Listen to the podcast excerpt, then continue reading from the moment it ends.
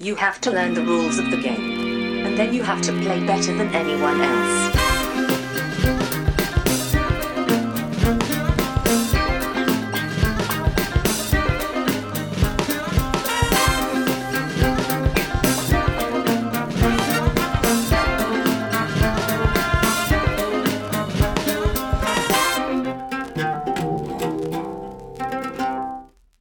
Hej och välkomna till Vems tur är det mellan turerna? Podcasten där vi pratar om spel. Jag heter Marcus Brisman. Med mig har jag som vanligt min bästa vän och kollega Adolfsson till min falk Johan Järrud.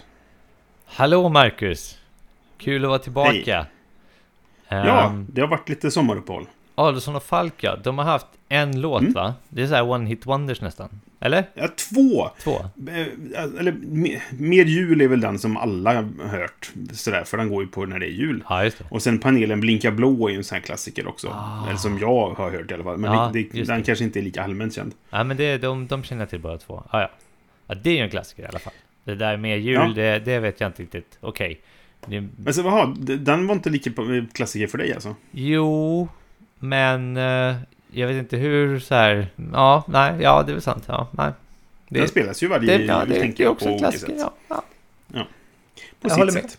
Hur som helst, det har varit sommar och saker och vi har haft lite sommarlov. ja, Men nu är vi tillbaka med eh, glada miner och prat om spel, eller något. ja, precis. Glada miner och prata om spel, det är det vi eh, Ja. serverar i den här podden.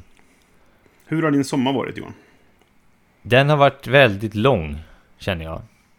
Mm. Jag har haft mitt livs längsta semester, så att... ehm, Men sommaren är ju kort, har jag hört. ja, Det mesta rinner bort. ja, men det är inte Adolfsson och Falk, så att det är inte aktuellt i Nej, det här det avsnittet. Nej, men så att eh, det har varit en ganska lång sommar. Jag har haft mitt Jag tyckte inte sommaren var så lång faktiskt. Nej, okej. Ja. För att du hade lite eh, så här föräldraledighet Ja, just det, precis. Jag, också, eller? jag augmenterade semestern med föräldraledighet.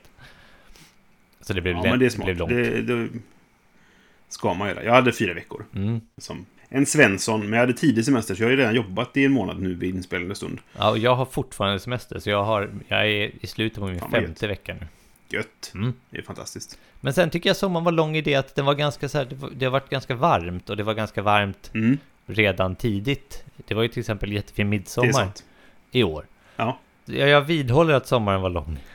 Ja, nej men du, du det är helt okej. Jag, jag, jag hade en ganska, jag hade haft en bra sommar så det är inte så att den varit liksom eh, dålig och kort men fyra veckors semester är ändå bara, bara fyra veckors semester. Så att, eh, men ja, man måste spara lite dagar också så man kan åka till Spiel och sånt. Ja, precis. Och sen är det lite mer till sommaren än semester också. Så är det, absolut. I inspelande stund, som man brukar säga då, sådär, så har det ganska nyligen varit Gencon, den här stora spelkonventet i USA. Just precis. Och vet du vad som kom då? Då kom en expansion till Cora Quest. Nej, det gjorde det inte. De ska, det kommer däremot en Kickstarter typ i oktober med en expansion till Cora Quest. Men nej, det kom två nya kartor till Ark Nova. Jaha, ja, ja, ja. Just det. De pratade också, eh, för de hade en sån här meetup där med folk som hade förbokat nytrycket då, eller hur det nu var. Ja, just det. Och där pratade de också om den kommande riktiga expansionen. Ja, Som handlar om, om eh, sjödjur, sjöodjur höll jag. Ja, men sjölevande varelser då. eh, Ja, som, okej. Den ska komma nästa år. ja.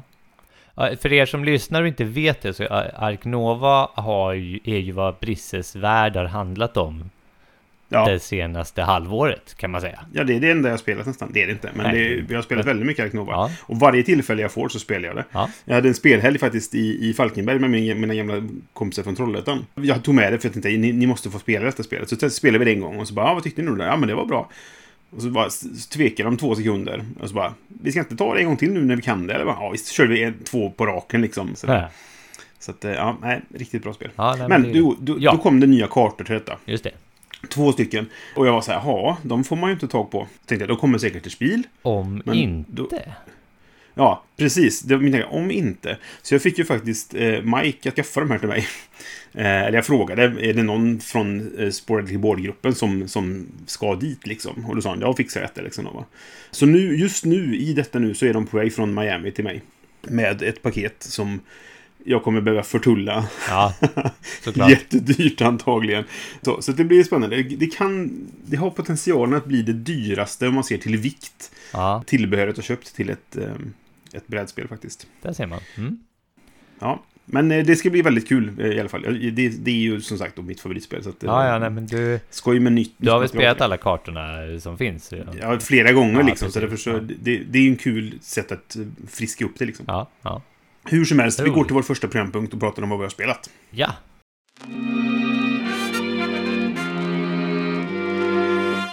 Då ska vi som vanligt prata om vad vi har spelat sen sist. Och nu är det ju snart en hel sommar sen sist då. Så jag har spelat en del spel, speciellt som vi hade den där spelhelgen då. ja. Men har du spelat någonting? Nej, ingenting. Ingenting alls? Nej, det har inte varit en spelsommar för mig alls. Jag har ju Nej. varit med eh, min lilla tvååring överallt och eh, när man har en sån, då handlar allting om logistik och det är väldigt sällan man får eh, tillfälle att plocka fram ett spel. Jag har ju varit Nej, på resande fot ganska mycket. Ja, just det. Så att... Men du, ja. du och din fru brukar ju ändå spela lite grann, så ni kanske kunde få tillfälle någon kväll sådär. Men Ja, det kanske inte har blivit av, det blev- med. På fem veckor hittills har det blivit en omgång Furnace. Ja, men det är ju i alla fall eh, en omgång. Ja, det är i alla fall en Om omgång. Eh, men Furnace är faktiskt ett, det är ett jättebra spel att ta med sig, har jag märkt. För att Mm. eh, det har en alldeles jätteonödigt för stor låda. Verkligen. Jag, Tills man köper neoprenmattan till den, för då måste man ha lådan. ja, ja, det har inte jag gjort då. Men, Men annars, så, annars är det ett praktexempel på alldeles stor låda, helt klart. precis. Men så jag lyckades packa ner det och jag hade, det är inte som att jag inte hade med mig spel. det var bara det att det inte nej. blev tid för Nej, men det. sådana är vi ju. Ja, Optimi- speloptimisterna som alltid har med oss för mycket spel. Mm. ja, exakt. Jag hade en vecka när jag hyrde en eh, husbil och körde runt i det. södra Sverige med den. Och då tyckte man så här, Mm. ja men när vi har nattat den lille, då kan vi sitta liksom ute i, eh, ute utanför och, liksom i kvällssolen och, och spela någonting. Ja, nej, det Mhm. var ju, det var ju en pipe dream. Alltså, han somnade ju inte förrän det hade blivit mörkt för det första. Och sen så hyrde vi den där jäkla Nej. husbilen. Den enda veckan under den här eh, sommaren då det var mindre än 25 grader. Mm. Så där på kvällen satt vi och frös i våra dunjackor istället. Då ville vi ingen spela spel. Nej, okej. Men Ja, nej, otur då. Men eh, så kan det gå. Men Furnace har vi pratat om förut, så vi kanske inte behöver orda mer om det egentligen. nej. Jag vill också tillägga att jag har ändå spelat ett annat spel innan jag åkte på semester som jag vill prata om. Ja, ja men då så. Ta det då. Jag har spelat Undaunted. Ah, Normandy. Och det var väldigt en väldigt intressant upplevelse måste jag säga. mhm. Det, det, det är ett ganska bra spel. Mm. Rent så här Men... mekaniskt. Jag, jag anar ett men. Men det har ju en tärning med sig. Och den där tärningen, Ah, den är ju alltså väldigt nyckfull. Japp. Vi hade väldigt, alltså det är en väldigt solid däckbyggarmekanik. Varje runda så kan du, så får du fyra kort och de korten tillåter dig att göra saker med dina soldater. Ja, det, det är ju alltså då ett andra världskrigen krigsspel där man Mm. har brickor som man lägger upp i olika former för att bilda olika scenarion och så har man två sidor mot varandra.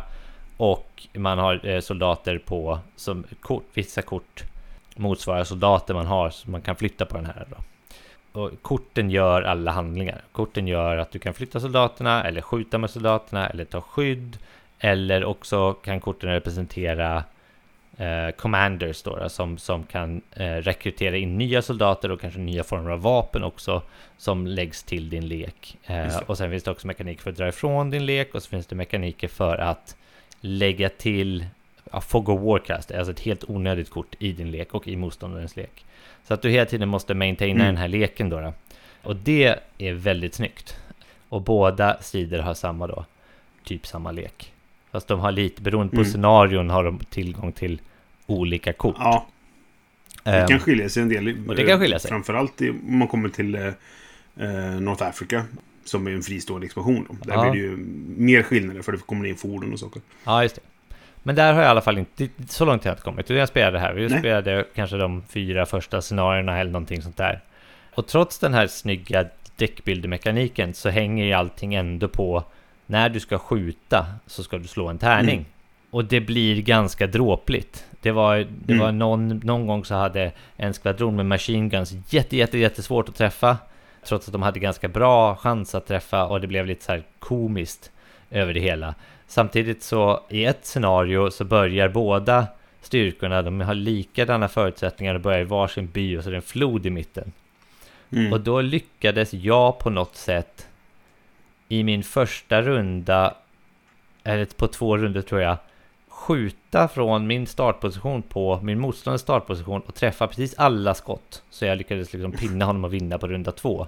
Bara för att Oj. jag lyckades liksom slå bra. Så att det var så här, Ja. man får verkligen veta vad man ger sig in på. Jag trodde jag gav mig in på en smart Mm. deckbuilder, vilket, vilket i och för sig var sant. Men sen när det kommer hela tiden till kritan, den här tärningen, och det kan vara lite liksom, det kan ge vad som helst, vilket jag kan tänka mig, okej, det kan ju vara så, om man säger så, om Mm. att det ska simulera ett krig så är det ju liksom så här olika faktorer som stämmer in om man träffar eller inte och så där. Det kan vara lite, Ja. lite slump där. Eh, men och, och om, man, om, man, om man accepterar det, vilket jag gjorde efter, efter några scenarion, så var det ändå, så hade det sin charm, ska jag säga. Mm, mm. Eh, men jag tror inte att det var något av mina favoritspel om vi säger så. Det var bra spel, men jag och min polare träffades på en pub och satt, satt, och, satt och drack lite bärs och spelade det här och liksom engagerade oss i det på, jag tror, det sättet vi behövde för att det skulle bli roligt. Men jag, jag tror inte det var så här, eh, det var inte kanske så, vad ska vi säga, satisfying som, jag, som jag hade hoppats att det skulle vara. Nej, men jag fattar. Och jag, jag kan hålla med dig om att tärningarna kan vara väldigt frustrerande i det spelet. Alltså på massa olika sätt. Jag tycker att de används på ett sätt som på något sätt låter dig vara taktisk. Ja, Att det, det finns fördelar med att inta positioner som är mer försvarbara för att de är svårare att träffa. Ifall du är i den positionen för att du får ett plus i försvar då, eller du, du minskar chansen att motståndaren träffar genom att, att vara i, ligga i skydd helt enkelt. Och sådana saker. Och att, att kulsprutorna till exempel, du kan skjuta för att döda med dem, men då är det svårare att träffa. Skjuter du nerhållande eld så är det lättare. Och det är liksom kanske så en kulspruta faktiskt användes precis. i krig. Så det känns som att de ändå försöker simulera det på, på något sätt. Men det gör ju kanske då att spelet blir lidande lite grann av att det blir lite för nyckfullt, om man säger så. Jag, jag, jag tror att det är helt rätt det de har gjort och jag tycker att det, det är Mm. bra, men jag ty- tycker inte det är min typ av spel bara. Att, Nej, eh, nej, men visst. Jag hade hellre velat ha lite mera kontroll över även om som du säger, man kan, man kan ta in positioner och man kan använda suppress eller eller, eh, eller skjuta på riktigt. Mm. Man kan göra väldigt många sådana typ så taktiska val. Vilket också bidrar till skärmen av spelet tycker jag, att man har de valen Mm. och att det är en ganska nära simulering trots att det har en Det väldigt, känns väldigt tematiskt. väldigt liksom eurostämpel över sig. Mm. Så, så det var bra med spelet. Det, var, jag, det bara föll inte riktigt mig i smaken måste jag säga. Det var li- lite så kanske. Nej, men jag, jag, jag- förstår precis vad du menar. Jag, jag, generellt så skulle jag nog i lekbyggare vilja ha lite mer kontroll. För nu kan det ju bli situationer där man typ gör allt man kan och du har ett guldläge och så slår du bara för dåligt på tärningen och så sket sig in hela planen liksom sådär. Och det är inte kul. Så att det... ehm, Ja, precis. Ja, sen, sen så hade vi också en situation när min motståndare testade en strategi där han kunde ge mig sådana här Fog of War-kort. Mm. Så det gjorde han. Det var det enda han gjorde. Han gav mig Fog of War-kort hela tiden. Så min lek blev jättestor. Och för att jag skulle Ja. kunna göra någonting så behövde jag minst två kort på rundan som jag kunde till exempel fly, flytta mig och sen skjuta. Alltså typ så här, eller göra mer än en handling helt enkelt på, på rundan. Mm. Men till slut så kunde jag inte det för jag drog sådana här Fog of War-kort hela tiden. Så jag blev helt Ja, det. förlamad liksom. Det, jag, jag kunde inte göra någonting. Det var inte heller jätteroligt för att Nej, han vinner inte då. nej precis. Jag blir bara Nej. helt värdelös, men han måste fortfarande uppfylla sina objektiv och det blir bara Just det. tråkigt för båda. Så att, ja, nej, men det, det, det finns jättemycket liksom strategier och taktiker att utforska där, och, och, och, men jag Ja. tror inte att just det här är min grej bara. Eh, Nej, men nej, jag, men jag tycker det var ett bra spel, försöker jag säga nu, Mm. objektivt då, men inget är ju någonsin objektivt. nej, så är det. Absolut. Ja, vad har du spelat då? Jo, jag tänkte vi ska köra lite av en specialare nu då. För jag har spelat en del spel. Jag säger inte hur många. Men jag har spelat till många. Så ska, vi ska ha ett chicken race nu. Ja, Där jag säger spel jag har spelat. Mm. Och nu har jag valt spelen som jag har spelat för första gången kanske. Eller bara någon gång tidigare. Som vi inte pratat om tidigare. För det är inget att jag säger att jag har spelat Arkinova liksom. För det, det vet Mm. du. Så jag säger dem. Och sen när som helst får du säga stopp. Det här vill jag att du pratar om. okej. Men du vet ju inte vad som kommer efter. Nej, just det. Om det kommer något senare som är mer intressant. Eller om det så. Så att eh, du, du får göra ett avgörande hela tiden. När, när du känner att nu stannar jag liksom. Får jag veta hur lång listan är? Nej. Nej, nej, okej. Men jag har en plan för ifall du kommer till det sista spelet så säger jag nej till det också. Okej. Okej? Ja, har du, Ja. Hur, hur, hur fungerar ordningen här? Har du på något sätt ordnat dem över... Det här hur... är ordningen som jag spelade spelen. Okej, okej. Så det är inte den ordningen du tror att jag kommer vilja att du pratar om då? Nej. Nej. Det här är bara i, i ordningen jag har spelat dem helt enkelt. Kör då. Okej? Whirling Witchcraft. Nej. Hitster. Nej. Seven Wonders Architects. Nej. Vengeance Roll and Fight. Nej. Hughes and Q's. Nej. Mantis. Ja, det får du prata om. Okej. Jag hade inte hört talas om något av de andra, ska jag vara helt ärlig. Eh, Seven Wonders Architects. är Hitster inte- har jag hört talas om, tror jag. Ja, Hitster. Jo, precis. Det är baserat ju på ditt jobb, på. Inte riktigt, men ja. Jag kom inte till Bag of Butts eh, då. Det Nej. var ju synd. Okej. Men, Okej, Mantis eh, ska jag prata om. Mantis ska du prata om. Mm. Eftersom jag har barn nu då, så har jag en topp tre-lista över mina favoritdjur. För det har ju hon tvingat mig att ha, för att hon tycker själv det är roligt. Eh, min dotter. Ja, ja. Vem har inte en topp tre-lista över Ja, nej, men det har man väl kanske ändå i och för sig. Men, men den är väldigt aktuellt uppdaterad nu för att jag har barn. Vi pratar om det mycket sådär. Mm. Kan, kan vi bara göra, kan vi göra en, en, en inflick här och be våra lyssnare kommentera på det här avsnittet med sin eh, topp tre-lista över sina favoritdjur? Absolut. Topp tre djur. Och de måste vara rangordnad. Så Ja, ja, att ja. det bästa djuret är på en plats ett liksom. Ja. Det är ju röd panda då, eller kattbjörn. Eh, för mig. Det är det bästa djuret. Nummer två är tiger. Mm. Eh, gärna en amurtiger. En amurtiger? Ja, från Sibirien. En vit tiger Eh, då, eller är det bara en Nej, sibirisk jag tiger? tror inte det. Jag, jag vet inte. Den har fastnat för att jag gjorde en karaktär en gång i, till Vampire som hette Amurtigern. Jag vet inte. Ja. Ja, okej. Och på tredje plats då, Mantisräkan. Och det är den som det här spelet handlar om. Ah. Eh, För att det är en fascinerande djur. Mm. Eh, Och det finns en, en, för ett tag sedan, jag vet inte när faktiskt, men det var någon som skrev en, en serietidning om mantisräkan och hur fantastisk den är. Och hur den är ett, ett den, den har två egenskaper. Den är, ser väldigt många färger. Mm. Det är så här, den har väldigt många här tappar och stavar eller vad det nu är som gör att man ser färger. Vi, vi människor kan ju se, vad är det, vi har tre olika färgreceptorer i ögonen. Hundar har bara två, det är därför man säger att hundar är färgblinda, för att de inte kan skilja på många färger. Just det. Eh, Mantisräkan har 16, Hoppsan. Oj. eh, har jag för mig. Så att den kan se färger vi inte ens vet existerar. Vilket är svårt att ens föreställa sig och tänka på. Hur vet Ehm. man det? Är det någon som sitter Ja. i, i, och pillar i en mantisräkas öga och säger "Jaha, det Ja, här var en ja. stav till? Någon har väl dissekerat den. Ja. Eller så frågar de helt enkelt. Ja, det kan de ha gjort. Nej, och sen så har, kan de då eh, eh, slår de väldigt snabbt med sina, de har som en klubba liksom, som en extra arm som de slår väldigt hårt med. Okej. Och död, döda djur. Kan, man kan inte ha det med vanliga akvarium eh, om man har det som husdjur, för då slår de sönder glaset. Hur stora är de? De kan nog bli kanske en 10-15 centimeter tror jag, eh, som störst. Sådär. Okej, och detta är ditt favoritdjur för att... För att det, är- det är så intressant. Jaha. Det är så intressant det här Ja, med... ja. Mm. För de, slår så snabbt med den här knytnäven Mm. att det bildas en luftbubbla med plasma i. För att den slår med sån enorm hastighet. Och ja, hur som helst. Jag är väldigt Eh, glad och att jag valde det här spelet. Eller hur? Ja. Ja. Så det, den här serien handlar om då hur det här djuret eh, ser mer än regnbågen, men har mod i sinnet. Liksom. Och den läste jag för några år sedan också. Det, det är också en del av den här fascinationen för den här mantisräkan. Då. Jättespännande. Mm. Det här spelet är då byggt på mantisräkan. Det är väldigt påklistrat tema kan man säga. Men det handlar i alla fall alla korten har eh, en, en räka på sig. Helt Ja, enkelt. okej. Och det är ja, nu kommer jag inte ihåg, men jag tror det är sex eller sju olika färger i, i spelet helt enkelt. Och så är det bara en, en kortlek med, med eh, lika många av varje färg som man blandar. Och så delar man ut kort. Eller man, man, man, man har tre kort från början tror jag det är. Och på din tur så kan du antingen ta ett kort. Kommer jag, det här spelade vi i somras, jag kommer inte ihåg. Men du kan antingen ta kort och lägga framför dig själv. Eller ta kort och lägga framför någon annan. Mm. Lägger du framför någon annan och du matchar en färg de har, då får du ta alla av den färgen och lägga framför dig själv. Okej. Lägger du framför dig själv och du matchar en färg du har, då får du skåra dem. Då lägger du dem åt sidan. Då är de säkra från att stjälas från andra. Okej. Och sen går spelet ut på att man ska komma upp i 10 kort först, tror jag det eller om det var 15 kort eller vad det nu var. Och på baksidan av korten så ser man tre färger. Och då, som helt enkelt visar att någon av de här tre färgerna är på framsidan. Så det blir lite typ så här. Ja, men du har många av den färgen. Du har faktiskt alla tre av de färgerna. Då kommer jag stjäla någonting av dig om jag spelar hos dig.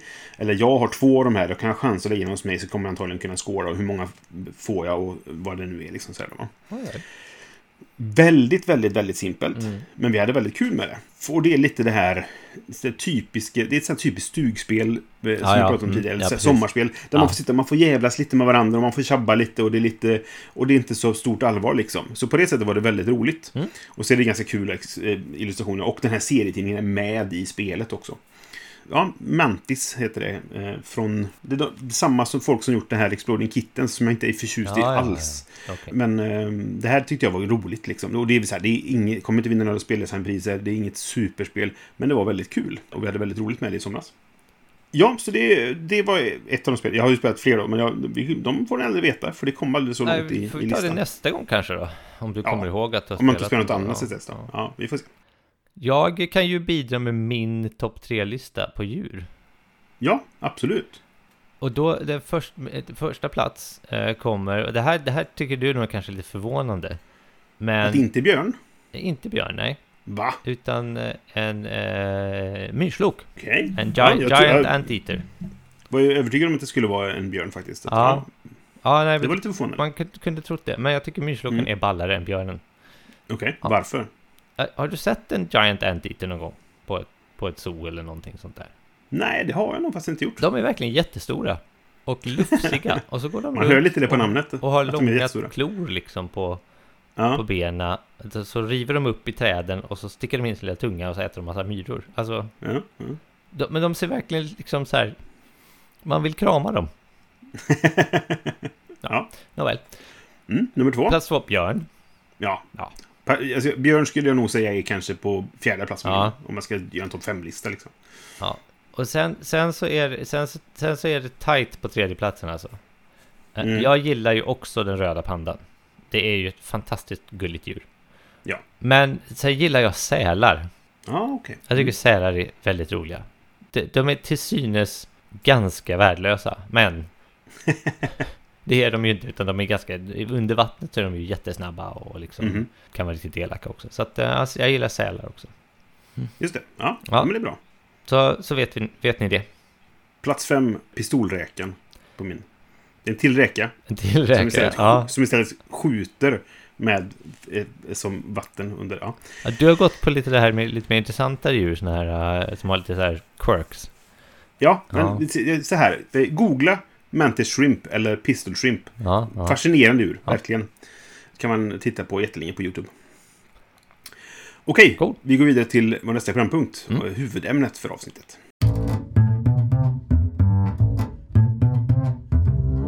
Då tänkte vi att vi ska prata om IP-spel. ja. Alltså intellectual property. Och du, vi ska börja med en liten brasklapp och säga så här. Vi vet att det inte heter så egentligen. Nej. Därför att intellectual property är... Skapar du någonting så är det en intellectual property. Det vi menar är helt enkelt eh, när ett spel är gjort om någonting som är kanske en film eller en bok. Någon eh, popkultur egentligen är väl vad vi menar. Precis. Ja. Ja. exakt. Så det är det vi menar. Så ni behöver inte skriva in och säga att det heter faktiskt inte. För det vet vi. Men det, det, det, många använder ändå det ordet och det är ett ganska lätt sätt att prata om det. Så vi kommer nog använda det ordet ändå. Om man tänker generellt, ordet tema är ju väldigt så här, det är ju en ganska integral del av det brädspelen i sig och behöver inte naturligt peka på att det är liksom en popkulturell referens. utan, Nej. utan det är därför vi använder ordet IP då. Jo, men precis. Och sen, vi, vi rent tekniskt använder vi ordet tema fel också. Det är tematik och ja. Hur som helst, ni, ni förstår nog vad vi menar och vi på inget sätt några experter. Så vi, vi kör lite... Vi är inte ens säkra på att vi förstår vad vi menar. Men vi, vi, Nej, vi vill precis. prata om det i alla fall, för vi tycker vi det är ska roligt. prata om, om, eh, om, precis, om eh, brädspel med popkulturella kopplingar, helt enkelt. Ja, så kan vi säga. Det, det finns ju ett antal ganska stora IPn nu då, Ja. säger jag bara för att gå tillbaka till vad vi inte skulle säga. Där, vilka skulle du säga är de vanligaste? Lovecraft är väl en sån här typisk. Ja, Lovecraft är ju verkligen, verkligen, och, och, och det ska vi säga också att vissa IPs liksom copyright går ju ut och blir public domain någonstans efter ett visst antal år. Och det är därför då Lovecraft är populärt för att Ja. eh, hans så att säga, mytos och hans verk är ju inte längre beskyddade av copyright utan det är ju public domain. Precis. Sen kan man väl tycka då kanske att många av de spelen som utspelar sig i, eller som man säger är baserade på Lovecraft mytos, är kanske mer egentligen baserade på Call of Cthulhu. Mm. För att Ja. eh, Lovecraft skrev inte så actionbetonat Nej. för det mesta. Vilket ofta de spelen är. Ja, just det. Mm. Mm. En annat exempel på, på något public domain, det är ju Sherlock Holmes. Just det. Som väl blev public domain för inte jättemånga år sedan. Nej, Och det var väl därför det kom en fullständig explosion av Sherlock Holmes-baserade spel. När det hände då liksom. Ja, just det. Det var, det var ju nästan, de fanns ju i varenda hörn, höll jag på att säga, eh, ett tag. Ja, när det verkligen. hände. Och det var väl lite så här... Man blev ganska trött, man blir ganska trött på det fort när, när ett sånt här IP öppnas upp. Och man ser, Ja. man, man känner den här vågen liksom komma, liksom, av nej, ett till spel. Särskilt, Ja, särskilt tycker jag om det är någonting som man verkligen är investerad i. Alltså typ Mm. att man verkligen gillar någonting och så helt plötsligt blir det public domain och du får massa spel. Då måste du liksom Just köpa alla kanske. Jag vet inte. Ja, nej men precis. Men- Och så kan det ju även vara med de som inte är public domain, Ja, men som är ännu populära. Som till exempel Star Wars eller Marvel. Ja, eller Lord of the Rings. Ja, eller Lord of the Rings. Ja, precis. Det, nu Lord of the Rings är inte lika viktigt för mig, men Star, både Star Wars och Marvel är ju saker som ligger mig varmt om Mm. hjärtat. Och som jag kanske ibland köper spel bara för att det har det temat, liksom. Eller den kopplingen.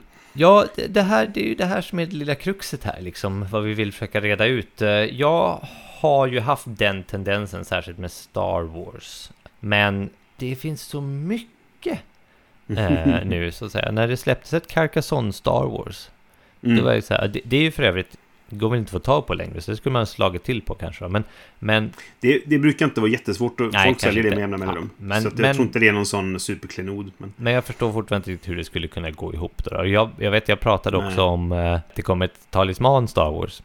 Just det. Och det finns risk Star Wars. Alltså typ så alla sådana här liksom, det, det är ju... Ja.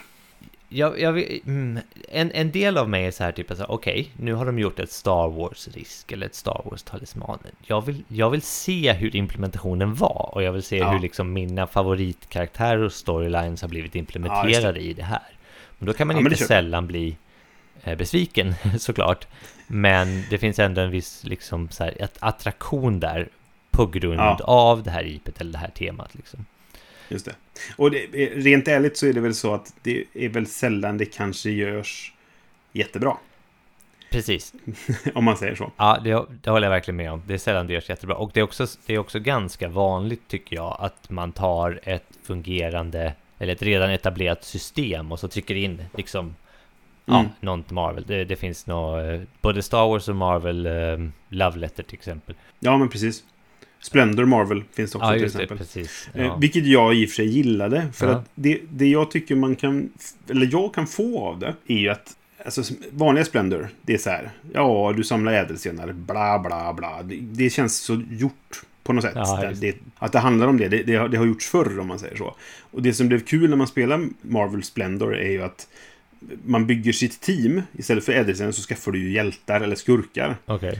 Och man kan bygga sitt eget lilla narrativ då i att så här, varför samarbetar Baron Zemo med eh, Rogue till exempel? Liksom. Så här, va, va, varför är de på samma team just nu? Vad är grejen här? Och det, då får jag lite mer ut av det för att det är ett tema som jag tycker om. Ja, men det, kan- det kan jag köpa. Men, men samtidigt så är det så här, det är lite lipstick on a pig. Alltså typ så här att man, man Mm. har spelat det förut och man blir så att säga motiverad att köpa det här nya, det är samma spel, men med sitt favorittema, eller sitt favorit-IP då, för att hålla oss till, Mm. till, rätt, till, till samma, är rätt ord. till, till, till det ordet vi sa att vi skulle använda. ja, precis. Ja. Så det är ju, ehm, jag satt och tänkte på det så här, jag vet inte, jag ska ställa frågan till dig kanske. Eh, Mm. Påverkar det dig om ett spel är kopplat till ett, till ett IP? Som du känner till ska jag säga nu då, för att inte Ja. lägga orden i din, i din mun. Mm. När du köper ett spel. Jo, men det gör det nog. Alltså i exemplet Splendor till exempel så har jag köpt Splendor och sålt det för att jag tyckte att det var okej, men inte mycket mer än så. Och nu, nu fick jag ju Marvel Splendor som ett recensionsex. Mm. Och jag hade kanske inte köpt det eftersom jag inte är så förtjust i Splendor. Mm. Men efter att ha spelat det, hade jag inte köpt det, säg att jag hade lånat det och eller testat det hos någon, då kanske jag hade köpt det. För Ja, att jag just det. tyckte att det blev lite extra kul då. Mm. Och grunden i spelet är inte så dålig egentligen. Liksom. Det, bara, det var inte så skoj. Men det blev skoj när man kunde prata om Marvel. Och på Gencon nu så kom det ju ett spel som heter Remix. Som är Marvel-baserat. Det är alltså... Ja, nu tappar jag ordet. Det här som eh, var Spieles nominerat som eh, Red Rising bygger på. Ja, just det, Fantasy Realms. Fantasy Realms, tack. Mm. Eh, det är alltså Fantasy med Ma- Marvel-tema. Just det, just det. Li- nu vet lite jag nya du pratar om. Så. Ja, du kunde ju sagt det Fantasy jag Realms med. Marvel-tema istället, då hade jag förstått. Ja, ja, precis. Exakt. och, det, och det vill jag ju köpa. Ja. Jag vill ju ha det, för att jag tycker ju Fantasy är ett bra spel och jag gillar Marvel. Så Mm. vad kan gå fel liksom? kan gå säkert gå hur, hur fel som helst. Men, men jag blir ändå sugen på det. Så ja, det är klart att det spelar in. Och jag har ju köpt... Just, just Marvel är jag ju väldigt svag för. Mm. Star Wars ganska mycket, men inte riktigt lika svag för det. Jag köper till exempel inte, inte Star Wars Carcassonne. Jag kanske hade köpt Marvel Carcassonne. Mhm. Mm. Bara för att se vad det är liksom. Ja, just det. Så det, det, ja, det påverkar mig. Ja, jag köpte inte Star Wars Carcassonne. Där drog jag gränsen Nej. liksom. Ja, precis. Men, Men- påverkar det dig då? Mm, jag, jag tror inte det. In, inte när man pratar om att ta en spelmekanik och sätta på ett IP jag gillar. Jag tror inte det får mig att köpa spelet eh, igen eller hellre. Däremot, och det är väl det vi kommer till nu här, så om ett spel är gjort på ett IP jag uppskattar och det är ett, ett unikt spel, alltså det, det har sina egna mekaniker och de mekanikerna sen visar sig spegla handlingen eller karaktärerna eller vad det nu är med det här IPet som man tycker om på ett sätt som, som man håller med om eller som liksom rättfärdigar det IPet. Då tycker jag att det blir en lite starkare känsla till och med kanske än... ehm, Just det. ja, det, det är lättare för mig att bli liksom emotionellt fast vid ett spel då. Mm. För Ja, ett, nej men precis. vi har ju pratat om hur tema är viktigt och det är det ju för oss. Liksom så här, att kan man leva sig in i temat och temat mm, gifter sig bra med mekaniken och så vidare så blir det ett bättre spel för oss. Och här läggs det på ett lager till då, då kanske. Ja, men precis. Jo, exakt så. Om, om det nu är, så funkar jag i alla fall. Liksom. Mm. Samtidigt så kan det också sänka ett spel, är spelet kast. Ja, Då kan du ju både kanske sänka den designen, att man kanske inte köper mer spel av den igen, eh, och Mm. sänka upplevelsen av IP kanske rent av. Jag vet inte. Det, det, det blir Ja. nog svårt, men, men ändå. ja det blir extremt. Det, det beror på hur intresserad du är av IP från början. Mm. Alltså så här, jag, jag har ju svårt att se att ett dåligt Marvel-spel skulle ju få mig att tycka mindre om serietidningar. Men, men om det är ett, ett, ett spel som så här, ja det här är baserat eh, på den här filmen till exempel. Och jag, jag har sett en film som jag tyckte var okej. Och så Mm. spelar jag spelet och så var det dåligt. Då kanske jag inte ser filmen igen heller. Nej, Men alltså, är spelet bra, då kanske jag blir sugen på att se filmen igen. Liksom, Mm. Så att eh, till, till viss del kanske. Men in- inte kanske de här IP'erna då som man verkligen gillar. Liksom. Nej, precis. Jag tänkte fundera på det här. Det finns ju... Eh, ibland så kommer det ju ett spel då som handlar om någonting som man inte kände till tidigare. Men som Ja. ändå är baserat på någonting. Till exempel Red Till Rising. exempel Red Rising, ja precis. Ja. Mm. Som var ju då ett spel som är baserat på en bokserie som vi inte hade hört talas om. Eller jag, inte jag i alla fall, hade hört talas om den överhuvudtaget. Nej, inte jag heller. Sen så läste vi dem och så tyckte vi väldigt mycket om de här. Och så fick ju den liksom... Spelet fick ju oss att läsa böckerna. Mm. Ja, precis. Mm. Och det är samma sak med det här Mind Management. Ja, som är det. baserat på en serietidning som jag aldrig hade hört talas om heller. Nu har jag bara läst första albumet för det är svårt att få tag på. Ja, Men jag vill ju läsa mer. Och det fick ju upp mina ögon för den serietidningen liksom. ja precis. Eh, Och sånt tycker jag är kul när det kan hända. Ja, det är verkligen spännande. Det är inte så vanligt kanske dock. Oftast är det ju att du har en koll redan på någonting. Alltså, du, du intresserar dig för spelet för att det handlar om det de- som du ändå är intresserad av eller som du har något intresse i. Ja, precis. Jag tror att kanske just fallet Red Rising så mm, har man kanske ridit lite på, alltså du och jag har ju följt Stonemaier sen, sen Sight, sen Wingspan, sen, sen Mm. de här titlarna liksom. Och så går en, en speldesigner som vi respekterar i god för det här IPet liksom och säger hörni, jag gör faktiskt det här spelet delvis för att jag vill promota boken för jag tycker den är så jävla bra. Ja, precis. Där är ju en ganska tydlig linje att följa, men annars är det kanske svårt. Ibland så kanske man spelar ett spel som man inte ens vet att det är bas- baserat på en bok eller någonting sånt där. Nej. Och det är ju en skillnad då när man gör på det sättet. Som jag tror även Ma- Man Management till exempel var gjort på det sättet. Att jag älskar det här serietidningen, jag vill göra det här liksom. Va? Mm. Och att göra det, det kan ju skilja sig ganska mycket från då det som kanske är det vanligaste sättet att göra de här IP-baserade spelen. Och det är ju att här kan jag casha in lätta pengar på att det handlar om någonting som massa folk vill ha. Ja, just det. Alla Star Wars-spel och alla, alla Marvel-spel Mm. och sådär. Det, det, det är ju, de är ju baserade på vi sätter på detta temat så att vi säljer spel. Ja, precis. Så det är lite nästan kanske beundransvärt att göra på det andra sättet. Att här Ja, vill jag lyfta fram någonting verkligen. som jag gillar liksom. Och, och, exakt. Bättre att göra ett spel då kanske som, som supportar helt enkelt narrativet eller vad det nu är från det IP. Mm. Än att bara liksom göra en ny edition av Carcassonne för att man vill Mm. sälja spel. Precis. Jag gjorde så här, jag, jag, jag, vi, vi skulle ju förbereda lite listor, det har vi gjort. Ehm, Vi gillar ju listor. vi gillar ju listor. Mm. Och då tänkte jag på så här, vilka IPn som jag så att säga beundrar, eller som jag tyckte så här, det här varit kul att se som ett spel. Alltså, du menar saker som inte har gjorts spel av, men som du skulle vilja se som spel? Just det, precis. Mm. Ja. Och det var ganska svårt, det fanns ju spel. Mm. Det, det är ju så. Alltså så här. Jag, jag, när jag skrev mina tre, som inte har någon inbördes ordning, utan det är bara tre, tre teman eller så, Ja, populärkulturella grejer som jag skulle vilja se. se. Det jag tog som jag skulle vilja se, som inte har gjorts, eller som inte har gjorts bra. ja precis. Jag, jag gjorde så, för då blir det liksom, då, då kan man eh, ha, få lite, återigen en, bra- en brasklapp då på att så här, men det har gjorts, ja fast det har inte gjorts bra. Nej, precis. Tycker Nej. jag liksom sådär. Så att, ja. Mm. Men Jag ville bara nämna något, jag tänkte på till exempel um, Enders Game. Mm. Som är en bok som jag läste för säkert 20 år sedan, som jag uppskattade jätte- jättemycket. Finns som ett spel. Det kom Mm. i samband med att det gjordes en film, Just det. tror jag. Ja, eh, och det är ju också ganska vanligt. Liksom. Eh, det är väldigt vanligt. Ja. Hey Dune Imperium till exempel. Ja. Apropå det, jag, såg, det var någon som sa att för Marvel Legendary går ju fortfarande varmt. De ger ju fortfarande ut väldigt mycket expansioner till det där. Ja, just. Och vill du någonsin veta vilket som är nästa expansion så kan du bara kolla på vilken är nästa film som kommer ut. För Ja. det, då kommer nästa expansion vara baserad på den, det som... Det, sen är ju det baserat på serien också då, men de kommer ju så här... Nästa som kommer ut är Black Panther, för det är nästa Marvel-film som kommer. Liksom, Ja, ja, mm. Nej, men jag tänkte en, en annan sak som jag tänkte på var... Jag vet inte om du läste... Eh, nej, vad heter den? Det är inte Stormlight Archives. Fan, nu har jag skrivit ner fel.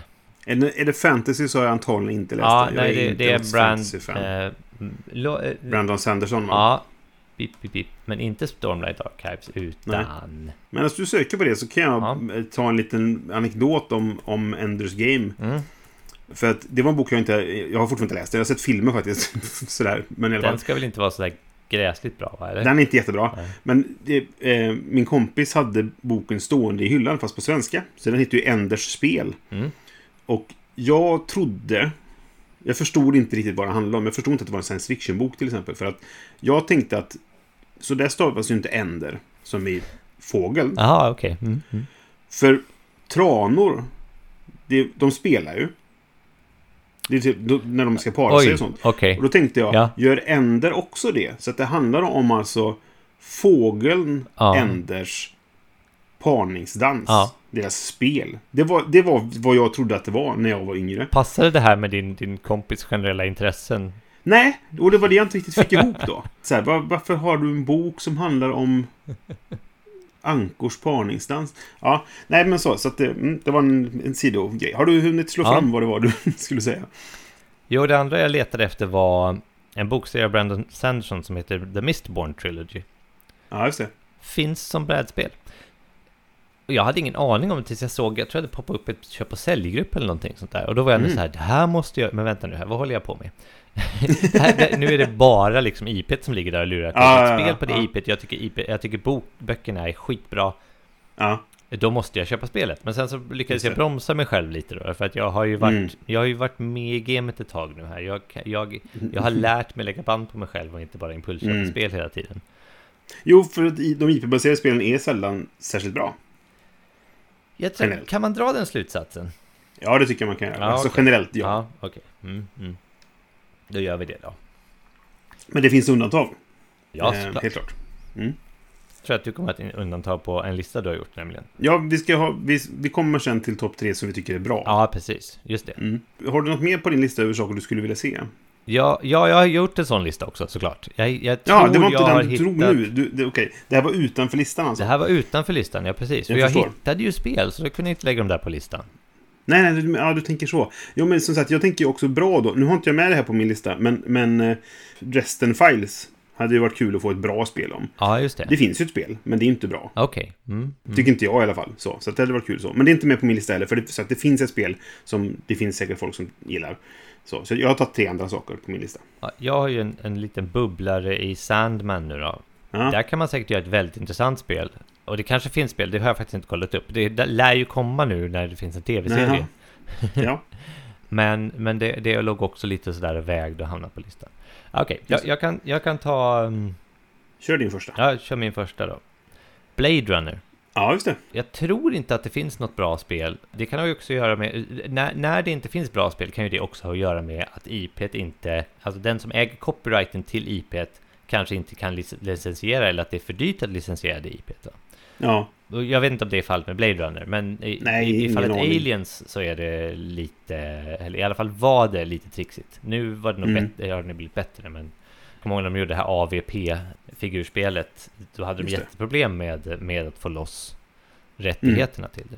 Men så, så Blade Runner har jag på listan, där skulle jag vilja se något kul. Det kommer ju ett rollspel nu från Fria Ja. Ligan. Och jag, jag köper ju inte rollspel, eller det gör jag, men mycket mindre än så för att jag har ju insett att jag kommer aldrig hinna spela dem. Jag är sugen nästan på att köpa det bara för att kunna läsa låren. Ja, men det är inte bara det, utan det verkar faktiskt väldigt, väldigt bra. Att man har... Man, Det är det säkert, men jag kommer aldrig spela den ändå. Så, att, Ja. så här, det, där är det mer, jag vill läsa det kanske bara. Och det, det är länge sedan jag ville köpa ett rollspel bara Ja. för att läsa Ja, det. okej. Ja, du får ju låna mitt då. Ja, eller så köper jag det faktiskt. Jag vet inte. Jag, var, jag har varit sugen på Alien-spelet också. Ja, Av ungefär samma anledning liksom. ja, det har jag spelat. Det är verkligen jättebra. Jag spelade ett scenario på, på Sydkon för många år sedan. Som var skrivet av Christopher Krämer. Som utspelar sig i Alien-världen, men utan aliens. Mm. Men det var jättekul, för man fick så väldigt mycket gratis av att bara känna till världen. Mm, mm. Och man, man, man såg direkt allting för sitt inre öga, hur det såg ut. För att Ja, du vet hur det ser ut i den världen. Liksom. Och sen var det en deckarhistoria som var satt där. Liksom. Men eh, det, jag tror att han hade satt det där för att det var på en rymdstation där vi hela tiden hade, vi hade en, alltså i och med att vi var på en skola som konventet var på, så hade man eh, sådana här overhead-filmer med eh, genomskärningar av våningarna. Så man kunde stå där, precis som de gör i filmen, då, liksom så här, ja men kolla här borta, man måste ta den här vägen och hänga Ja, ja, ja. ja. Mm, mm. Ja, väldigt bra scenario, vi bra hade prop. fantastiskt roligt. Ja, hur som helst, det var sidospår. Ja, jag skulle bara säga, Blade Runner RPG, det är ju, det är ju, man är ju en investigator, så att alla, alla så att säga äventyr är uppbyggda på det sättet. Så det är mycket så här handouts och Mm. lite, Jo, lite. Gumshoe-hållet nästan, att det, det är byggt upp i olika scenarion där man får olika clues och så kommer det. Just I alla fall, det är mitt intryck ska jag säga. Jag har inte läst igenom Ja. reglerna, men det är mitt intryck. Jag har inte fått, eh, jag har pdf Nej, men jag har inte kommit så långt. Ja, men det, ett, ett, ett, ett brädspel skulle kunna bygga på liknande princip då. Att det är Precis, ett, exakt. narrativt spel. Det finns ju det här Android, heter det va? Som är ju, känns väldigt starkt influerat av. Det utspelar sig i, i samma värld som alla de spelen från Festivalet, de här, alltså Netrunner, nya ja, Netrunner. okej, ja, ja. Ja, just det, just det, just det. Andro, ja, mm, ja. Jag tror det heter Android bara, som är ett detektivspel just, eh, som, som känns väldigt Blade Runner, Mm. Sådär. Ja. Jag kan gå ner, vidare ner på listan. Dragon Age. ja, jag har ingen relation Ja, till Det är överhuvudtaget. ju alltså ett eh, tv-spel från början. Ja, Och det är en väldigt väl utvecklat värld. Eh, Och det är mycket i det spelet är bygger lite på intriger mellan de olika länderna som existerar. Men det finns också liksom mörka krafter mot goda krafter. Man skulle kunna göra väldigt mycket av, av alla de motsättningarna och alla de möjligheterna som finns med i den världen. Liksom. just det. Eh, Det finns ett rollspel och det finns ett antal böcker och serietidningar som, som supportar Mm, det här också. mm. Att, eh, men jag, jag tror inte jag har sett ett brädspel. Nej. Och så sista då. Det är en liten, eh, igen en sån där grej som jag tror inte, nu är jag ganska ensam om kanske. Men det finns en, en författare som heter Sherry Priest som har gjort en steampunkvärld som hon kallade Clockwork Century. Och eh, Mm. massa noveller i den, i den, eh, i den världen då. då. Och Okej. det är liksom en steampunk-version av vilda västern då, då eh, med lite alternativ historia och zombier. Så Okej. att eh, det är en väldigt Låter kul och som eh, intressant värld. Dead, Deadlands. Eh, ja, kanske, kanske lite åt det hållet ja. Fast inte riktigt. Men ändå. Nej. Jag tror att det, det är inte någonting som är så här vardagspopkultur. Men jag tycker det är en väldigt intressant värld. Jag skulle vilja se mer, Mm. nå- mera utveckling av den världen. Det får man ju genom ett brädspel till exempel, men också genom rollspel. Ja, men precis. Ja. Så de Ja. tre hade jag på min lista som så här, nej men det här skulle jag vilja se mer av. Sen, sen skrev jag faktiskt in X-Files också där. Det är någonting som du och jag brinner lite för. Men jag har inte, Ja. Jag har inte sett någon som har... Vi- har ju det gamla kortspelet som du och jag liksom har varit ambassadörer för. Samlarkortspel. Eh, Ja, precis. samlarkortspel. Mm. Som var bra, men med, med dagens spel mätt så vet jag inte hur bra det är, tycker jag. Nej, ja, alltså nu var det väldigt länge sedan jag spelade. Men alltså bara det funkar så annorlunda från Ja. andra samlarkortspel, vilket gjorde det väldigt unikt på något sätt. Ja, Och det kändes också som det speglade väldigt bra vad serien handlar om. Liksom. Ja, det gjorde det. Det gjorde det. Och jag har spelat för li- lite för lite um, Legendary X-Files. Jag har spelat ett par omgångar bara. Men eh, det kändes som att det funkade ganska bra för att väcka känslan. Liksom. Det var det, det var det jag skulle komma till också. Det finns ju ett Legendary Mm. X-Files, men då är det Legendary-systemet.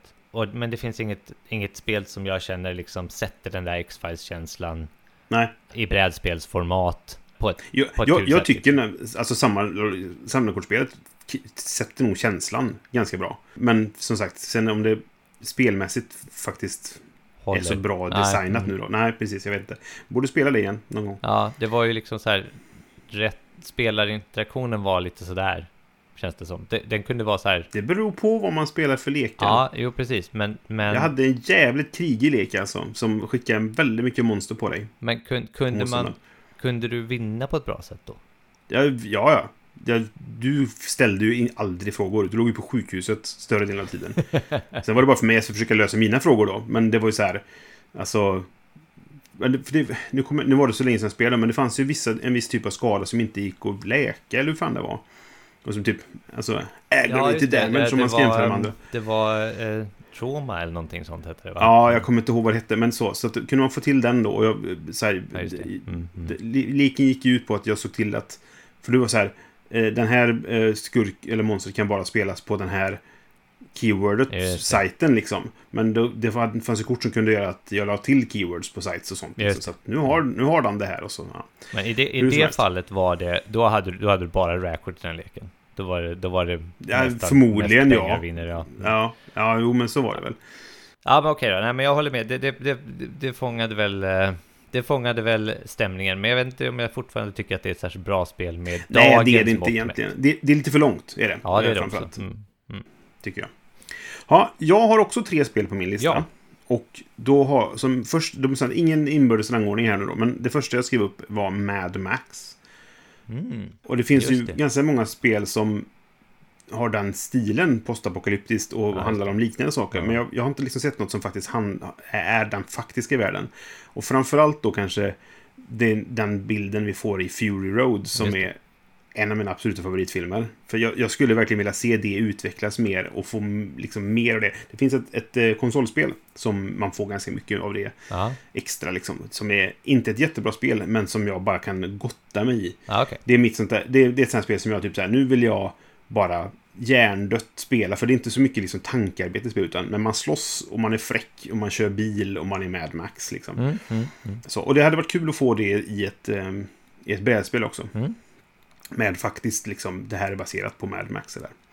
För det är en värld som fascinerar mig. Ja, bra span. Plats två är MUTANT, Undergångens arvtagare. Alltså rollspelet nu då. Mm. Nu så att det, det skulle kunna vara MUTANT i allmänhet, men jag satte Undergångens arvtagare. För det är ändå nog, tror jag, den implementationen som jag gillar bäst. Ja, just det. Och så, ja, det är ett rollspel redan. Skulle det passa som ett brädspel? Jag vet inte. Men jag gillar... Alltså... Jag älskar den här världen. Mm. Jag tycker den är så bra och den är så utvecklad och den är så intressant. Och det finns så mycket att ösa ur. Vilket väl stämmer för de flesta rollspel om man ska göra dem till ett brädspel. Liksom så. Och jag vet inte, vad skulle det handla om? Ingen aning. Men jag skulle vilja se det. Och med, med lite fina illustrationer på kommenterade djur och Mm, du vet så här. mm. Liksom, och Ja, tänk ett det- figurspel med, alltså, mm, det hade varit fint. Ja, det, fanns ju ett, eller det, det kom ju ett dataspel som är nästan en liten blandning. Av MUTANT Year Zero och Undergångens arvtagare. I det att det. många av huvudpersonerna är typ djur. Och det är inte Ja. jättevanligt alls i MUTANT Year Zero. Och det är faktiskt ett ganska bra spel. Tycker Jag jag. tror jag äger det, fast jag har inte spelat den. Ja, jag tyckte det var Ja. bra, för det... Det är såna, det är såna här spel med turn-based... ehm, Ja, det är lite XCOM. ja, eh, väldigt mycket stil, XCOM typ. över det. Och jag Mm. gillade ju XCOM ganska mycket när det begav Det sig. gjorde jag med när det begav sig. Mm. Ja, precis. Ja, Och den sista är då, det, är baserat på en serietidning som jag har pratat om i ett, som en så här, inte ett speltips-tips för ett tag sedan. Och det är Top 10. Top 10. Ja, det kunde jag gissa mig Precis. till. Ja, Som Just är det. min serie som jag läser eh, minst en gång om året. Mm. För att jag tycker den är jättebra. Det är Alan Moore. mm. Och du spelar i en värld där... Alltså det, hur är det att vara polis i en värld där alla har superkrafter eller prylar som ger dem konstiga förmågor? Liksom, så det. Det är lite som att man blandar så här, superhjälteserie med eh, Spanarna på Hill Street, typ. För att ta ett exempel som visar hur gammal jag är. Men, nej, men jag tycker det, det, är, det är också en fantastisk värld och det hade varit kul att göra det. Jag har varit, haft tankar om att skulle, man skulle göra ett, ett alltså rollspel i den settingen där man spelar just poliser. Det finns ju ett superhjälterollspel som heter eh, Mutant City Blues som jag faktiskt skaffat för att kunna eventuellt använda som, som bas och det där. Men sen så hinner jag inte spela rollspel. Men i alla fall. Och det hade varit kul med, med, med liksom någonting baserat på detta och, och vad man skulle... Med, med de karaktärerna från, från serietidningen och, och liksom sådär, och vad, vad det skulle kunna bli av det. Jag, och, återigen, jag har ingen aning vad det skulle vara för spel, men det är inte mitt jobb. Det får någon annan hitta på. Inte vad ditt det jobb ska handla om. än. Nej, Nej. precis. Nej, Top 10 hade varit kul att se i brädspelsform. Cool. Ja, då har vi grävt lite i våra... Önskningar. Ja, precis. Ja. Vi har ju också gjort en lista på vilka spel vi tycker, eller spel, konkreta spel faktiskt, som vi tycker har Ja. nailat Tre specifika i, spel. IP. Mm. Ja. ja, tre stycken. Vi höll oss till tre den här gången. Har du rangordnat de här så de är i, i ordning av bästa koppling? Mm, Nej. Nej, Nej, det har jag inte jag heller. Nej. Så att då, då, är det återigen utan inbördes rangordning. Nej, precis. Jag kan börja med ett spel som vi har pratat om. Vet du vad? Jag tror att två av de här spelen kommer vara samma. Ja, jag tror två av de här spelen kommer vara samma och ett, Ja. och ett kommer inte vara samma. Ja. Eh, men jag vet vilket du har. Ja, och jag vet vilket du har. Så jag kommer ju nämna Red Rising nu då, som vi har pratat Ja, om. och jag med. Ja, du också? Ja, Okej, då har vi inte samma. Jag har Red Rising också. Ja. Då har vi ja. inte samma. Men eh, jag, kommer, jag ska gissa ett spel på din lista sen, men jag kan ta mina först. Red ja Rising då får jag gissa ju... på din lista då. Ja, I visst. så fall. Ja. Red Rising har du. Ja. Jag tror du har Star Wars Rebellion. Ja. Och jag tror du har eh, Lord of the Rings, the, the Trading, eller vad det nu heter, LC1. Nej. Eh, Oj! War of the Ring däremot. War of the Ring. Okej. Ja, men det är taget. Det, den, kan- det kan jag köpa. Mm. Och jag tror du har Red Rising, Star Wars Rebellion och The Expanse. Nej, Faktiskt inte. Nej, okej.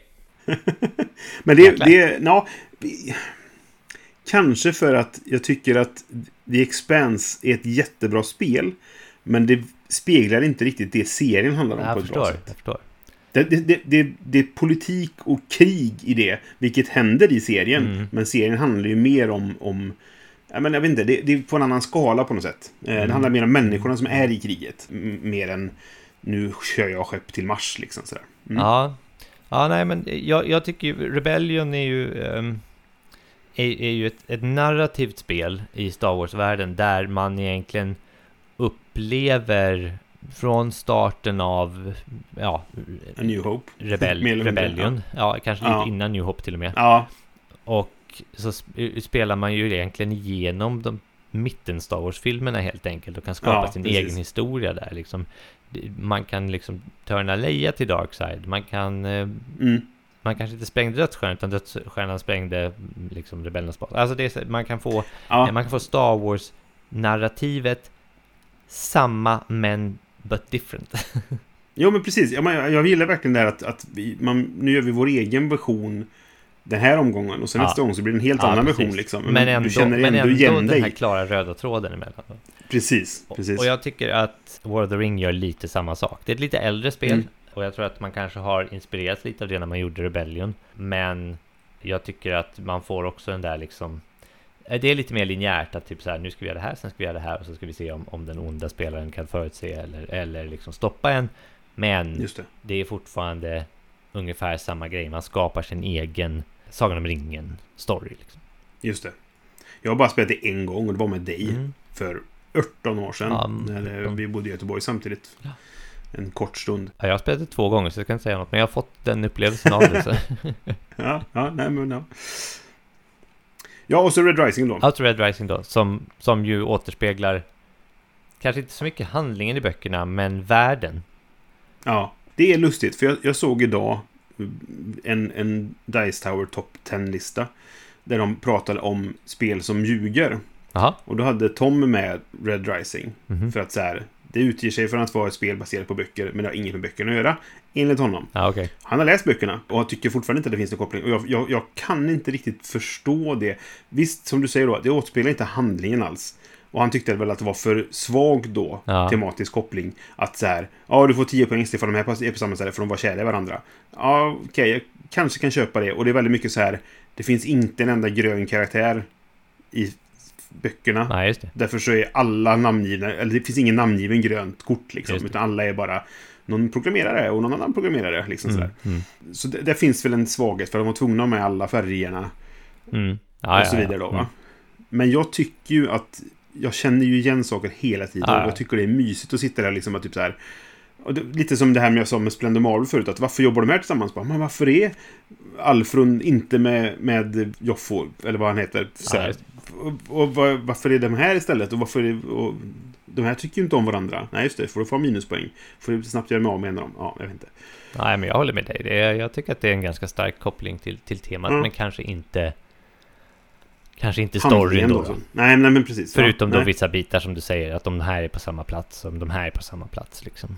Jo, för det var ju, alltså, så här, man spoilar ju kanske då böckerna för någon någonsin vill läsa dem som spelar spel sådär. Men det, det ju, man kan ju se så här, okej, jag förstår vad det är, varför den här funkar som det Ja, gör. ja, för att det Mm. har med saker som händer i, i böckerna att göra. Liksom. Precis. Eh, Ja, det vi sådär. pratade om innan, att vi har fått just den känslan av det. Så att, eh, Precis, jag, jag tycker vi håller den där. Det tycker jag. Man behöver inte Ja, alltid lyssna på de där Skit i vad. Tom säger, men Ja. jag tyckte bara lustigt att han hade en helt annan inställning, Mm. motsatt inställning nästan på, mot till, till vad du och jag har. Sådär. Ja, mitt sista spel då, som Ja, inte, var, som inte var The Expanse. Det är Vampire the Masquerade Vendetta. Okej, ja, nu har inte jag spelat det, så det kan jag inte Nej. yttra mig om. Och jag har inte spelat det sen jag recenserade, för då när det kom. Så, så här. Men, men jag, jag fick verkligen en stark Vampire-känsla från det. Alltså så här, det kommer ju inte bli samma som att spela rollspelet. För att du, du, man, det blir en helt annan upplevelse. Liksom då, va? Men det är så nä, nära man kan tänka sig att ska man göra ett, ett brädspel av ett rollspel och få till den politiken och, och liksom ränksmideriet och, och backstabbandet och sådär. Du kan nästan inte komma närmare än med det spelet. Nu har vi inte spelat som sagt då, vem, det här Heritage då. Men Nej. jag tyckte att det, med, med små medel och ett ganska kort spel så lyckades det väldigt väl Mm. få fram känslan av Vampire the Masquerade. Det är coolt. Jag blev väldigt imponerad av det faktiskt. Jag eh, kan ju flika in att jag har spelat Heritage. Ja, du har gjort det? Mm. Okej. Jag, jag, jag ska prata mer om det en annan gång. Vi har, vi har spelat första mm, liksom, biten i krönikan. Jag tycker att det är okej Vampire-känsla. Mm. Jag vill gärna jämföra det med, med det här Vendetta. Vi Vad- måste spela nästa någon gång. Vad jag Alltså, ska som- säga dock är att Mm. vi är fyra stycken som spelar. Tre Mm. gamla Vampire-spelare. Och Ja. en som inte överhuvudtaget har spelat Vampire förut. Ja. Och den personen har... Han måste fråga om allting.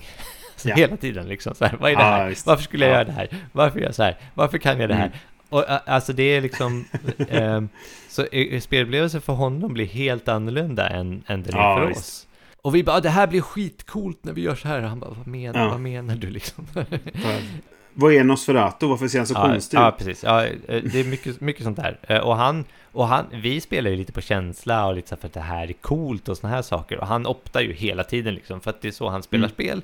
Och han har ingen, ingen koppling till IP. Så det är ju rätt också Nej. intressant vinkel på det här med IP. Att liksom man, man inte Just det. har någon koppling till IP Mhm. och spelar med andra som har koppling till IP. Då kan man få en ganska udda spelupplevelse säkert då. då. Just det. Vi får se Ja. sen när vi har spelat krönikan vad han tycker om det här och liksom. Ja, men precis. Eh, men, ehm, men det är en rätt kul grej. Det jag tyckte Vendetta lyckades med var ju att, för du har ju de olika klanerna och, och liksom man fick känslan av klanen och vad deras specialitet liksom är.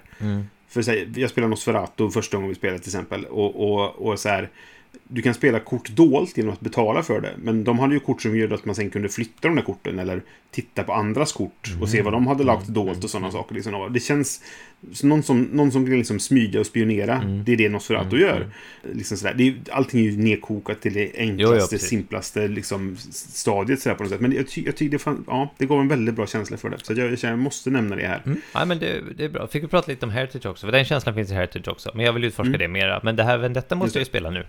Ja, jag tycker du måste göra det. Ja. En, en sista grej innan vi går vidare Ja. till vår nästa programpunkt. Vad tycker du om när det blir så här korspollinering, eller vad man ska kalla det? Alltså när, när två olika IPn möts i ett spel. Och så är det, ja, men precis. Och så är det jättespännande då att ja, eh, ja, men om man vill slå ihop eh, Legendary Marvel kan du, du kan ju spela liksom Alien Just det. Legendary med Marvel-hjältar till exempel. Det. Tycker du sånt är kul eller tycker du det är mest irriterande? Jag tror inte jag upplevt så mycket, men jag tror inte det är någonting jag skulle söka heller. Nej. För, för jag kan lockas av det. Mm. Jag kan tycka att det där är, det är lite kittlande. Ja, okej. Att, att göra det där. Jag, jag vet inte om jag egentligen går igång på det när det är typ så här. Ja, men som... ehm, Jag vet inte. Som till exempel Smash Up är ju sådana här Mm, spel där du kan typ precis, säga. Ja, du kan nu ha det här och det här tillsammans. Ja. Nu, om de inte, nu har de på senare tid då varit mer kopplade till faktiskt IP med dem. Men, men jag, jag blir ju väldigt kittlad av, av tanken på att spela X-Files med Alien-karaktärer. Eller tvärtom, bara för att det är så knasigt. Liksom. Ja, ja. Vi testade ju att spela Alien med superhjältar Okej. från Legendary. Ja. Det gick åt helvete kan jag säga. För att om man spelat Legendary så är det så här, om du har hjältar man ska slåss och så vidare. Ja visst, fan. Det är, det är samma sak i Aliens. Man, man har eh, eh, Marine Corps-soldater som ska slåss. Men i det spelet så har du dessutom en funktion där du måste scanna platser för att det ska ju simulera då det här de har den Ja, här. Mm. motion sensorn liksom. Mm, mm. Och det använder du fightpoäng till. Så att alla marinesen som Hudson och Hicks och Apone och, allt vad de heter. Alla de är mycket bättre på att slåss än Thor och Hulk och Captain America och de här. För att de behöver ha ett högre stridsvärde för att de ska kunna okej, scanna ja, också. Ja. Vilket gör att när, när liksom eh, Wolverine kommer och ska slåss mot aliens så har han ingen chans. För att eh, han eh, har för lite fightvärde. Ja, ja. Så, så att eh, det, det gick på röven eh, helt enkelt. Nej, men jag tror inte... Jag, jag, är näst, jag är nog lite... Jag är nog nästan lite purist. Jag är nog åt andra hållet faktiskt. För att jag... Ja. Om man tänker så här, om vi pratar tillbaka några avsnitt så pratade jag om gamla Star Wars CCG. Alltså Mm. Collectible Card Game. Och då började man vid New Hope och gav ut expansioner i det universet så att säga tills man kom till Return of the Jedi och sen så gjorde man lite extra utgåvor med saker som man inte riktigt hade rört vid innan från den filmen. Sen Mm. när Phantom Menace kom ut 99 då släppte Ja. man en expansion med Phantom Menace-kort som var kompatibla då, så man kunde spela med, med dem med sina andra. Så du kunde Aha. liksom ha Luke och Qui-Gon tillsammans. eh, Det, nej, det gillar jag och nog det, det var så här, nej. Nu slutar jag Nej. spela det här spelet. Det här går Nej, men det inte. gillar, det gillar jag nog inte. Men det blir en annan grej på något sätt. Ja, jag vet Ja. inte. Och, det- och sen, ja. men, det är ju sällan det här görs bra då, de här Nej, crossovers. det kan jag liksom, sådär, så att, eh, jag, jag vet inte, men det är någonting med det kittlar mig Ja. i tanken. Men sen kanske det inte blir bra då faktiskt i genomförandet. Jag vet inte riktigt. Men, eh, Nej, För det första så måste Ja. det väl bli bra på en så att säga IP-nivå, det vill säga i boken, tidningen, eh, Mm. filmen, vad det nu är liksom. ja, innan man kan ta det till spel. Men det- en, en, en typisk sån där som väl ändå är hyfsat lyckad är väl Aliens vs Predator. jo, precis. Versus ibland det- Terminator va? Och kanske Batman. Eh, Ja, det ja och Judge Dredd. Det finns ju... Judgment och Gotham är ju när Judge Dredd och, och Batman möts. Och det är ju gloriöst. Så att... eh, Ja. Ja. det kan man tycka är kul. Men ja, nej, men ja, I alla fall. ja, men i spel, spelform, jag vet inte riktigt. Nej. Jag vet inte vad vi fick ut av det här men, eh, men vi hade roligt och fick göra listor. Precis. Mm. Och det är det vi vill. Ja. Och lys- lyssnare du får du skylla dig själv. Vi går vidare.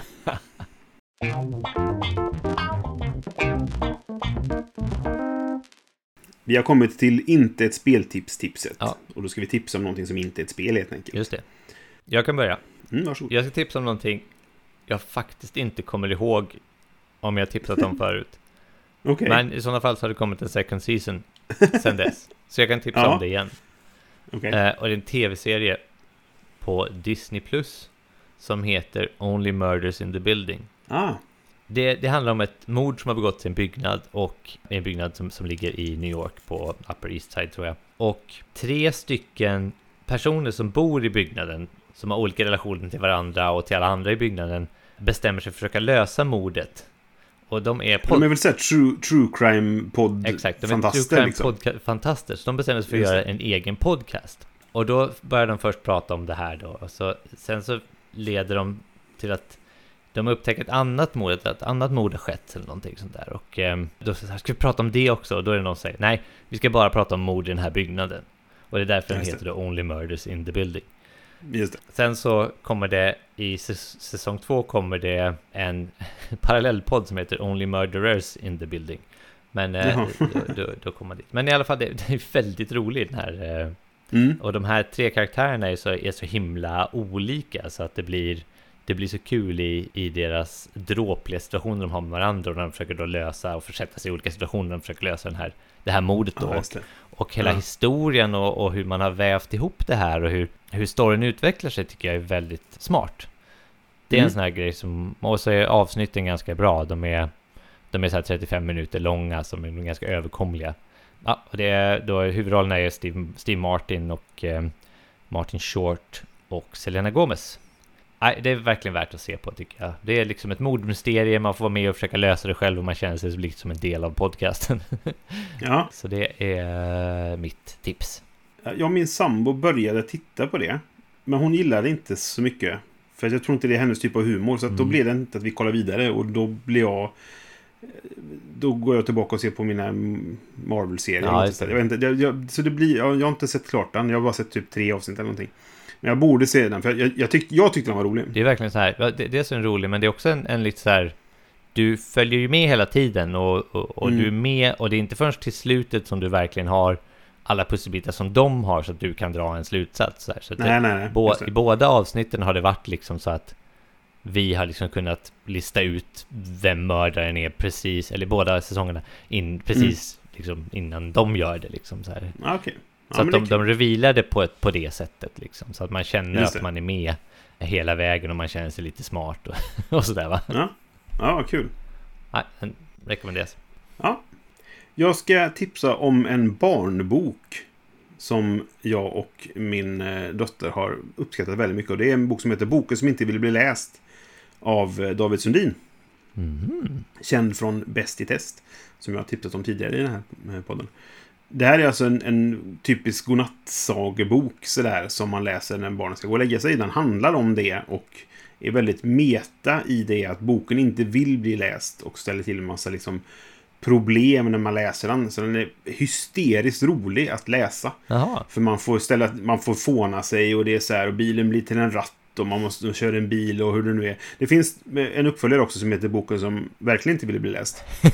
som är minst lika bra. Och det är kanske det ratten är. Jag kommer inte ihåg vilka, jag blandar ihop de här två. Och eh, i, inspelande stund då, så i dagarna kommer den tredje boken. Boken som absolut inte vill bli läst Ah, ja. ut. Den, den kommer jag att köpa. Även om Ella kanske egentligen är, är, den är från upp till sex år då, vilket hon är nu i och för sig. Men hon, hon vi tycker den här är jätterolig och det är så här, vi läser den ibland, för den är ganska snabbläst eller så. Mm, För det, så det är, man läser ju hela boken på, på en, en, en nattning då. Mm.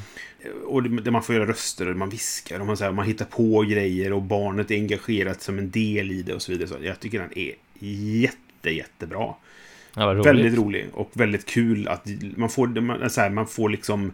eh, Det är inte bara nu läser jag ur en bok och mitt barn ligger och lyssnar utan man gör någonting tillsammans på något sätt. Liksom, så där. Och ändå är det en, en, som en, en typisk, nu läser vi en godnattbok. Liksom, så, där.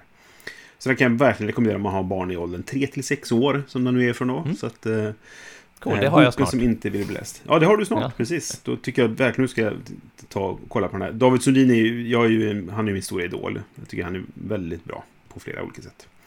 Den kan jag rekommendera. Boken som inte vill bli läst med uppföljare. Kul. Då så, vi går vidare till vår sista programpunkt. Ja,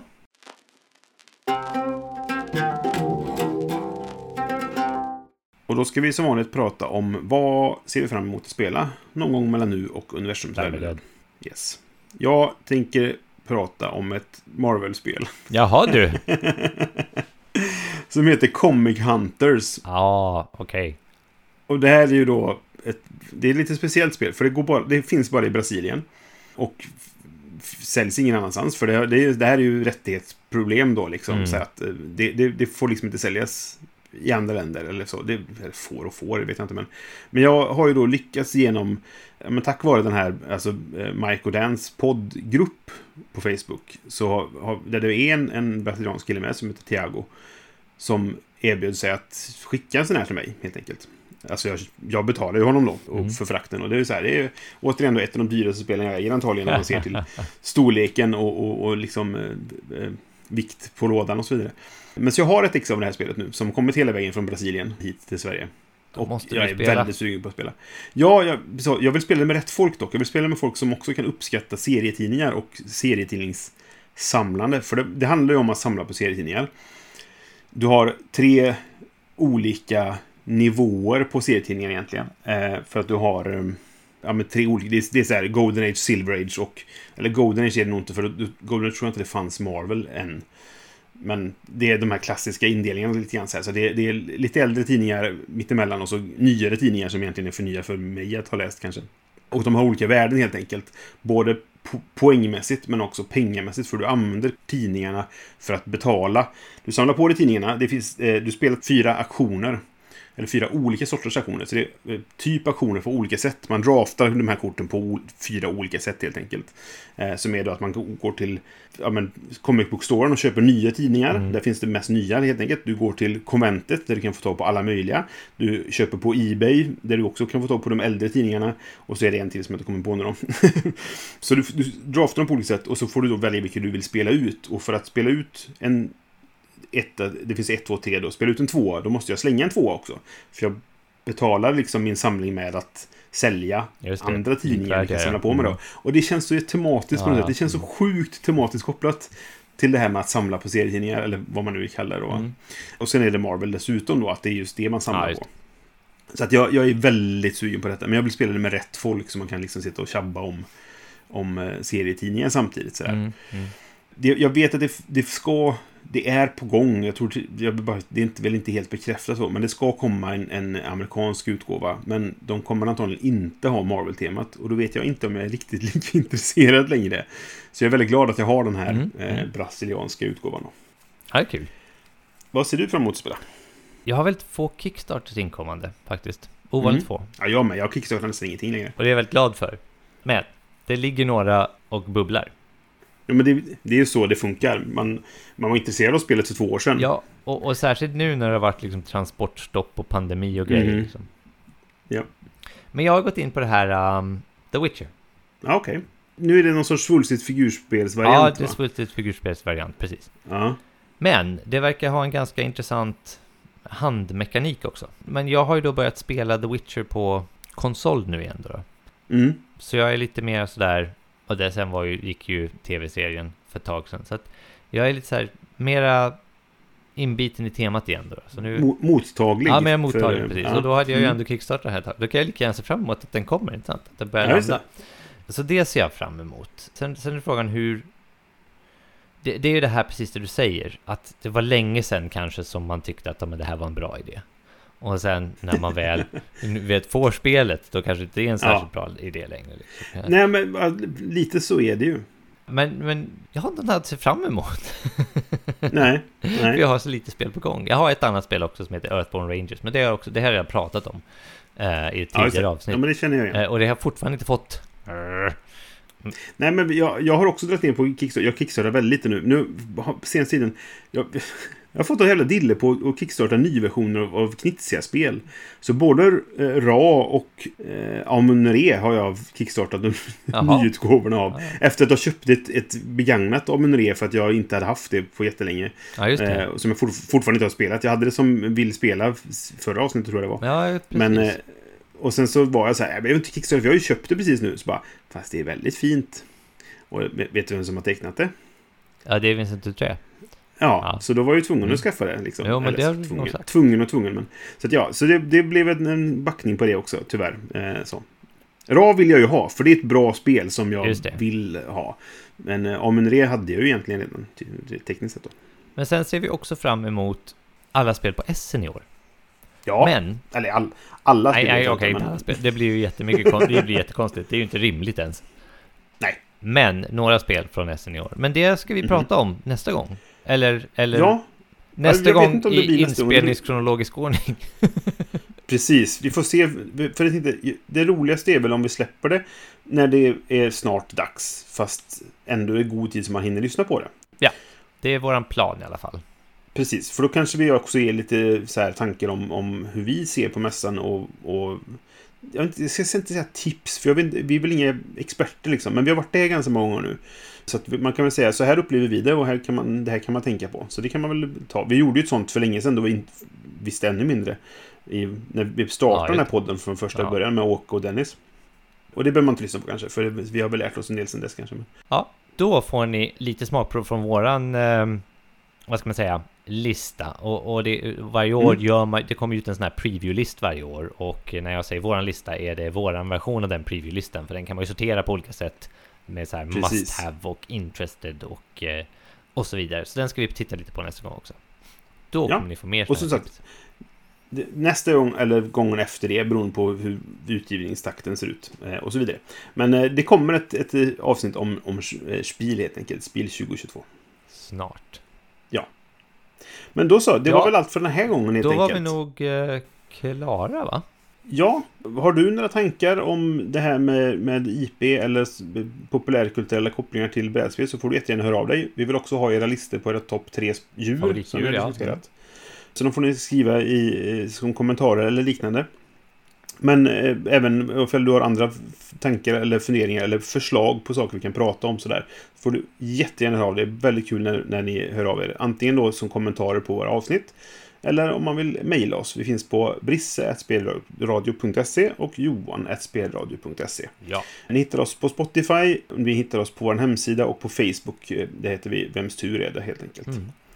Musiken är som vanligt gjord av Robin Landahl och vår grafik är gjord av Gary King. Tack för den här gången. Hej då! Hej då!